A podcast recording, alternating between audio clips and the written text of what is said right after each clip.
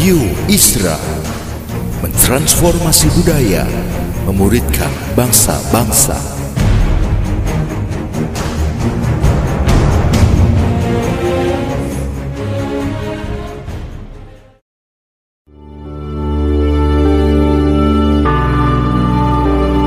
Apostolic Prophetic Messages mengungkapkan pesan dan arahan dari hati Tuhan bagi gerejanya demi menuntaskan mandat kerajaan Allah di Indonesia dan bangsa-bangsa. Selamat mendengarkan.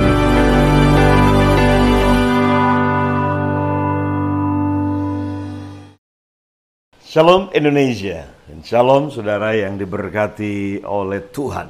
Salam sehat, kuat dan sejahtera bagi saudara dan keluarga. Kiranya shalom Tuhan, shalom dari Sang Raja Shalom, yaitu Yesus Isa Almasih Sang Raja Damai. Itu memerintah dalam hati dan pikiran saudara hari ini. Nah, dalam kesempatan ini saya mau membahas uh, satu hal yaitu bicara tentang kutuk. Nah, saat sudah mendengar kata kutuk, apa yang muncul dalam pikiran saudara? Mendengar kata kutuk, apa yang otomatis timbul di dalam pemikiran saudara? Nah, umumnya, orang kan selalu mengaitkan kutuk dengan kalau saudara pergi ke pedukunan atau waktu kecil dimandikan air kembang atau saudara pernah pergi ke kelenteng-kelenteng untuk feng shui atau ke tempat-tempat keramat ya mencari pesugihan pergi ke dukun-dukun ke orang pinter. Ya dulu saya uh, belajar ilmu kegelapan ya karena nenek saya orang Sunda besar di Rengas Dengklok daerah tentunya daerah Muslim ya. Dan adik ibu saya itu dukun di kampung pada waktu itu. Jadi jadi secara otomatis itu lingkungan saya seperti itu. Dan orang-orang kalau sakit yang paling gampang itu pergi ke dukun pada waktu itu. Dan di kampung belum ada rumah sakit memadai dokter juga cukup. Jadi yang paling gampang sekali kalau sakit ya pergi ke dukun lah gitu ya. Itu yang paling gampang. Nah, uh, ketika saya bertobat jelas kalau memang pernah ke dukun-dukun, pegang jimat-jimat, segala macam, betul itu akan menarik kutuk dalam hidup saudara dan saya. Kutuk dalam keluarga, kutuk dalam, ya itu bisa terjadi. Nah, salah satu ciri dari manifestasi kutuk itu adalah sebuah uh, kejadian yang terus-menerus berulang-ulang. Gitu ya. Uh, kejadian yang sama berulang-ulang bisnis terus-menerus bangkrut, terus-menerus gagal, terus-menerus seperti itu. Ya, tentunya bisa banyak sebab kenapa bisnis bangkrut. Tapi kalau kejadiannya berulang-ulang terus-menerus, padahal saudara sudah berusaha dengan segala macam cara untuk menjalankan bisnis saudara dengan dengan dengan benar, ya, dengan cara yang benar. Tapi somehow ada faktor X saya sebutnya ini, faktor kekuatan lain yang apa pun yang sudah usahakan itu selalu gagal dalam bisnis. Contoh yang lain berupa kutuk adalah kematian. Ya, anak mati dengan cara yang aneh. Dan itu terjadi secara terus-menerus. Atau kasusnya bukan cuma hanya satu, tapi banyak, banyak kasus. Atau perceraian, bisa juga gitu ya. Uh, tapi ini kejadian yang betul-betul ada faktor X ya. Gitu, ada faktor X ya faktor yang aneh yang saudara tidak bisa mengerti.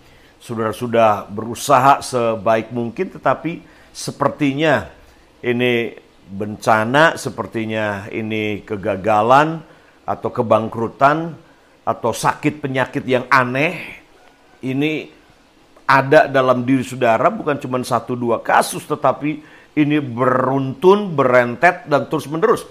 Padahal saudara sudah coba hidup sehat dan segala macamnya. Oke. Okay?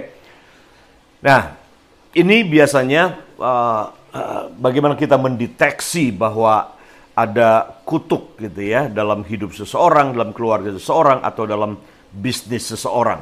Jadi sebuah kejadian yang tidak biasa, aneh, berulang-ulang, terjadi terus-menerus, Ya, seperti itu. Nah, ini biasanya kita akan langsung mendeteksi bahwa oh ada faktor X ini. Faktor X ini bisa tadi salah satunya adalah kutuk. Kutuk yang diakibatkan dari tadi bisa karena sumbernya pernah ke dukun-dukun, jimat-jimat, kuasa kegelapan, pernah dimandikan, atau mengundang, menyimpan benda-benda di mana di dalamnya di situ ada ilmu kuasa kegelapan di dalamnya. Ya, dulu ketika saya bertobat, saya punya jimat-jimat karena saya uh, mandi tujuh sumur, kemudian um, saya punya ilmu, punya keris, punya sabuk yang sudah diisi oleh kuasa-kuasa kegelapan. Saya pegang ilmu kebal. Ya, jadi ketika saya bertobat terima Tuhan, saya bakar semua benda-benda itu. Jadi itu salah satu cara yang paling paling umum ya. Kalau saudara memang pegang benda-benda jimat-jimat itu harus dimusnahkan dibakar karena itu perintah dalam firman Tuhan. Ya. Jadi dan saya bersyukur Tuhan lepaskan, Tuhan bebaskan. Tapi intinya lebih kepada ini, bertobatnya sendiri. Sebuah kesadaran bahwa ini salah, ini kuasa kegelapan, ada sebuah uh, sikap yang jelas bahwa saudara menolak dan tidak mengingini kuasa-kuasa kegelapan ini ada dalam hidup saudara.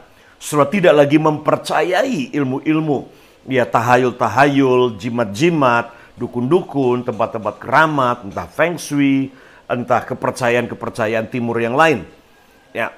Jadi sebuah penolakan, sebuah pertobatan yang sungguh-sungguh yang hanya menjadikan Tuhan itu sebagai Tuhan satu-satunya sumber yang saudara percayai, sumber kekuatan, sumber kuasa, sumber berkat, dan sumber segala sesuatunya dalam hidup saudara yaitu sumber kesehatan dan kesembuhan.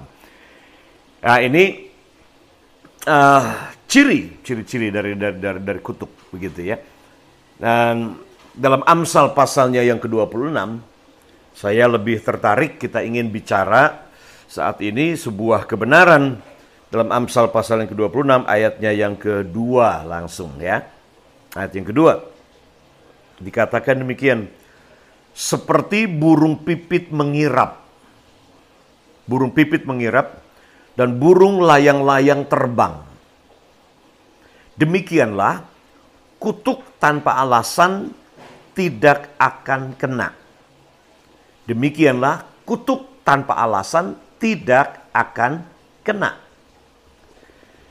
Jadi banyak orang selalu yang diurusin yang Ya kalau sebuah pohon itu kita petik buahnya, yang kita permasalahkan buahnya. Kalau kita nggak suka, kalau buahnya busuk, kalau buahnya asem, buahnya kecut, buahnya digigitin ulat, buahnya kemudian um, tidak bagus, ya buahnya beracun, maka kita pangkas buahnya ini, kita petikin buahnya dan buang buahnya. Dan kita tidak pernah melihat bahwa buah itu hanyalah akibat, bukan penyebab. Penyebabnya ada di akar. Penyebabnya ada pada proses tadi, entah akarnya, penanamannya, atau pupuknya, atau perawatannya. Ini harus diperbaiki. Nah, sama dengan kehidupan kita. Banyak kali ketika kita ada masalah, kita ada persoalan, ya kita akan dengan mudah biasanya mempersalahkan tadi. Mempersalahkan Tuhan, kita pikir Tuhan menghukum kita. Ya, Tuhan marah kepada kita. Tuhan mengutuki kita. Atau kita menyalahkan si iblis. Kita menyalahkan setan untuk apa yang terjadi. Dan kita berkata bahwa setan dia sedang sedang menyerang kita. Sehingga ini kutuk ini turun dalam kehidupan kita. Ya. Ayat ini memberitahu begini, seperti burung pipit mengirap dan burung layang-layang terbang. Nah, ada alasannya. Ketika burung pipit atau swallow, ya swallow bird dan sparrow itu burung layang-layang terbang. Ada alasannya pasti. Kenapa burung pipit mengirap dan burung layang-layang terbang? Dan kemudian dia berkata, ada sebabnya, ada yang menarik, ada yang attract burung-burung ini. Nah, sama dengan seperti itu. Dikatakan ketika dia berkata, demikianlah kutuk tanpa alasan tidak akan kena. Kutuk tanpa alasan tidak akan kena.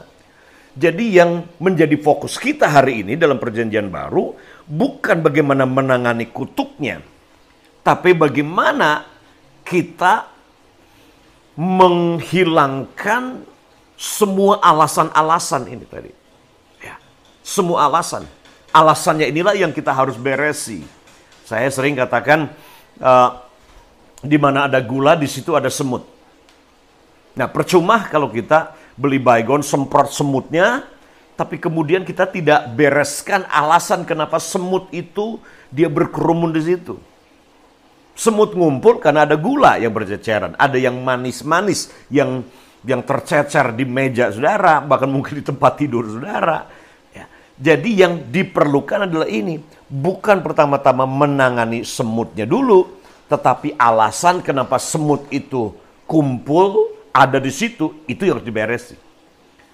Jadi kalau gula ini bersih, mejanya bersih, nggak ada gula yang berceceran, tidak ada akses di mana gula dengan mudah dimasuki oleh semut, maka pasti meja bersih, tempat tidur bersih, rumah akan bersih dari semut-semut yang kadang menjengkelkan itu.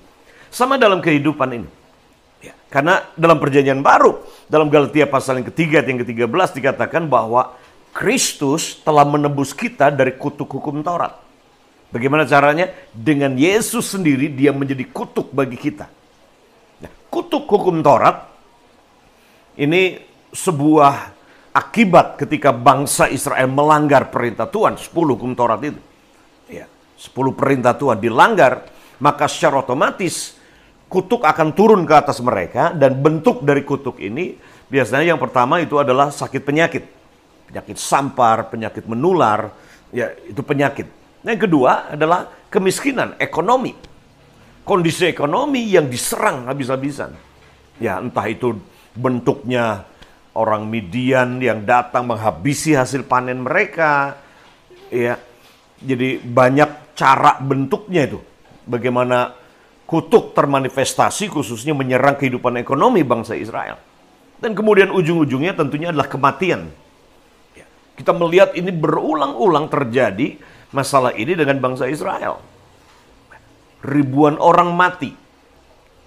Kenapa? Ketika mereka bersungut-sungut, mereka nggak mempercayai Tuhan, mereka menyembah berhala, menyembah lemba, lembu emas, patung tuangan, maka secara otomatis pemberontakan dan dosa ini ini yang attract attract bencana, ini attract masalah, attract membuka pintu buat setan secara legal untuk bekerja, merusak ekonomi kita, merusak kehidupan uh, kesehatan kita secara otomatis. Jadi ini sesuatu yang memang tadi faktor X dalam perjanjian lama memang ini manifestasi dari kutuk dalam sebuah bangsa, bangsa Israel. Ekonomi, sakit penyakit, nah ini ya penyakit menular, penyakit sampar, jadi dan berujung kepada kematian dalam jumlah massal. Kematian dalam jumlah massal. Oke. Okay. Nah, dalam perjanjian baru Yesus dia berkata bahwa dia sudah tebus kita dari kutuk hukum Taurat ini. Dengan jalan dia menjadi kutuk. Supaya apa? Berkat Abraham turun ke atas kita. Artinya dalam perjanjian baru ini, saudara tidak perlu lagi hidup di bawah kutuk. Dalam perjanjian lama, mereka tidak punya pilihan dan mereka tidak bisa lari dari dari dari kutuk ini karena tidak ada jalan keluar untuk mereka bisa lepas dari kutuk itu. Kematian, mereka tidak bisa luput dari kematian. Ya, sakit penyakit, setan tidak bisa punya pilihan lain selain menyerang. Ya, kehidupan ekonomi yang berantakan itu akan terus terjadi berulang-ulang, tetapi selalu Pintunya adalah ini, karena mereka memberontak kepada firman Tuhan, menyembah berhala-berhala lain, melanggar prinsip-prinsip kebenaran. Nah, bukan Tuhan yang mengutuki mereka. Selalu ingat ini. Ya. Tapi bersama dengan hukum, di situ ada konsekuensi dan akibat. Kau melanggar hukum, maka otomatis kamu akan menanggung akibat daripada pelanggaran hukum itu. Nah, itu cara bekerjanya dalam perjanjian lama seperti itu. Dalam perjanjian baru yang bersyukur adalah ini. Kita tidak perlu hidup di bawah kutuk. Kenapa? Sebab Yesus telah tebus kita dari kutuk itu. Jadi hari ini kita bisa hidup di dalam kecukupan, berkelimpahan, ekonomi yang cukup diberkati, sebagaimana Abraham diberkati, sehingga kita bisa menjadi berkat bagi bangsa-bangsa. Memungkinkan untuk kita bisa hidup sehat, hidup sembuh, ya. Walaupun tentunya tidak mudah hari-hari ini untuk hidup sehat. Kenapa, saudara? Karena lingkungan di mana kita hidup. Makanan semua sudah tersentuh oleh pestisida dan kimia. Oke, udara di mana kita tinggal. Ini juga ya krisis perubahan iklim, global warming. Ini yang menyebabkan kemudian oksigen semakin berkurang, pemanasan global. Tanah sudah nggak begitu produktif seperti sebelumnya. Ya, jadi tidak mudah untuk sekarang kita bisa hidup sehat, khususnya dengan kondisi iklim, makanan, cuaca, lingkungan di mana kita hidup, belum lagi uh, tingkat stres dan depresi yang yang dengan mudah sekali manusia begitu rentan sekali untuk stres dan kemudian depresi. Yang ini menjadi pintu masuk yang akan menyerang kesehatan fisik dan kesehatan tubuh kita. Tapi dalam perjanjian baru, sangat mungkin kita hidup dalam kesehatan, kesembuhan, berkat kecukupan dan kelimpahan, dan hidup dalam kehidupan yang kekal sekarang ini. Karena kata kematian telah dikalahkan ketika Yesus mati di atas kayu salib. Hari ini. Jadi saudara bisa bebas dari kutuk. Yang perlu hari ini adalah seperti ayat ini katakan. Kutuk, demikianlah kutuk tanpa alasan tidak akan kena. Jadi saudara bisa bebas tidak kena kutuk. Ya, kutuk itu tadi ciri-ciri seperti itu. Ya, faktor yang entah itu sakit menular, sakit sampar, ke kemiskinan, gagal terus dalam bisnis, atau sesuatu yang turun temurun, sesuatu yang berulang-ulang terjadi, sesuatu yang uh, nggak masuk akal sepertinya begitu sakitnya, kebangkrutannya. Jadi ini biasanya tanda-tanda. Nah, sekali lagi jangan terlalu mudah untuk kita selalu menyalahkan kemudian setan apalagi Tuhan mengutuki kita karena Tuhan tidak mengutuki kita. Tidak. Yang dibutuhkan adalah ini, seperti ayat ini katakan. Kita harus singkirkan alasannya. Karena kutuk tidak akan kena tanpa alasan. Jadi untuk hidup bebas dari kutuk hari ini, sederhana. Singkirkan alasannya. Kalau saudara tidak mau semut berkeliaran di meja, pastikan meja saudara bersih, tidak ada gula yang manis-manis, ya jam, coklat, apa saja yang manis yang merupakan makanan kesukaan semut itu nggak ada lagi di meja saudara. Kalau mejanya bersih, semut akan bersih. Jadi hari ini itu yang diperlukan. Oke, itu yang diperlukan hari ini. Saudara bisa hidup dalam berkat, saudara bisa hidup dalam kelimpahan, saudara bisa hidup di dalam anugerah ini. Di dalam bilangan dikatakan bahwa apa yang Tuhan berkati tidak bisa dikutuki oleh siapa pun. Tidak bisa. Nah, luar biasanya adalah ini. Saudara orang-orang yang diberkati karena saudara ada di dalam Kristus. Saudara diberkati karena engkau ada di dalam Yesus Kristus Tuhan kita hari ini. Sehingga tidak ada yang bisa membuat saudara ada di bawah kutuk lagi hari ini dalam perjanjian baru. Kecuali tadi ada alasan yang membuat kemudian attract tadi itu, yang menarik, yang menjadi pintu masuk buat kerajaan kegelapan. Dia datang dalam hidup saudara dan kemudian merusak, menghancurkan kehidupan saudara. Jadi jangan sibuk urusi kutuknya. Jangan kita sibuk salahkan setan, salahkan Tuhan. Yang dibutuhkan adalah ini. Kita minta Roh Kudus menolong kita mengevaluasi melihat alasan-alasan apa saja yang bisa menyebabkan krisis ekonomi dalam hidup kita terjadi, yang menyebabkan kebangkrutan terjadi, yang menyebabkan sakit-sakitan terus hidup kita, yang menyebabkan kemudian kematian yang tiba-tiba dan kematian yang yang aneh yang tidak masuk akal. Kita beresi alasannya. Betul? Kalau saudara hari ini masih pegang jimat-jimat, kalau sakit pergi ke dukun, minum air kembang dari mbah dukun di mana, atau sudah bolak-balik pergi ya ke tempat-tempat pesugihan, tempat-tempat keramat, dan saudara mempercayai itu, dan kemudian saudara minum atau memiliki benda-benda yang telah didoakan, diserahkan kepada kuasa-kuasa kegelapan di tempat-tempat keramat itu saudara sedang membuka pintu. Ini alasan, kan menjadi alasan yang kuat buat setan. Kemudian dia menyerang saudara, bahkan mendatangkan kehancuran dan menyiksa saudara.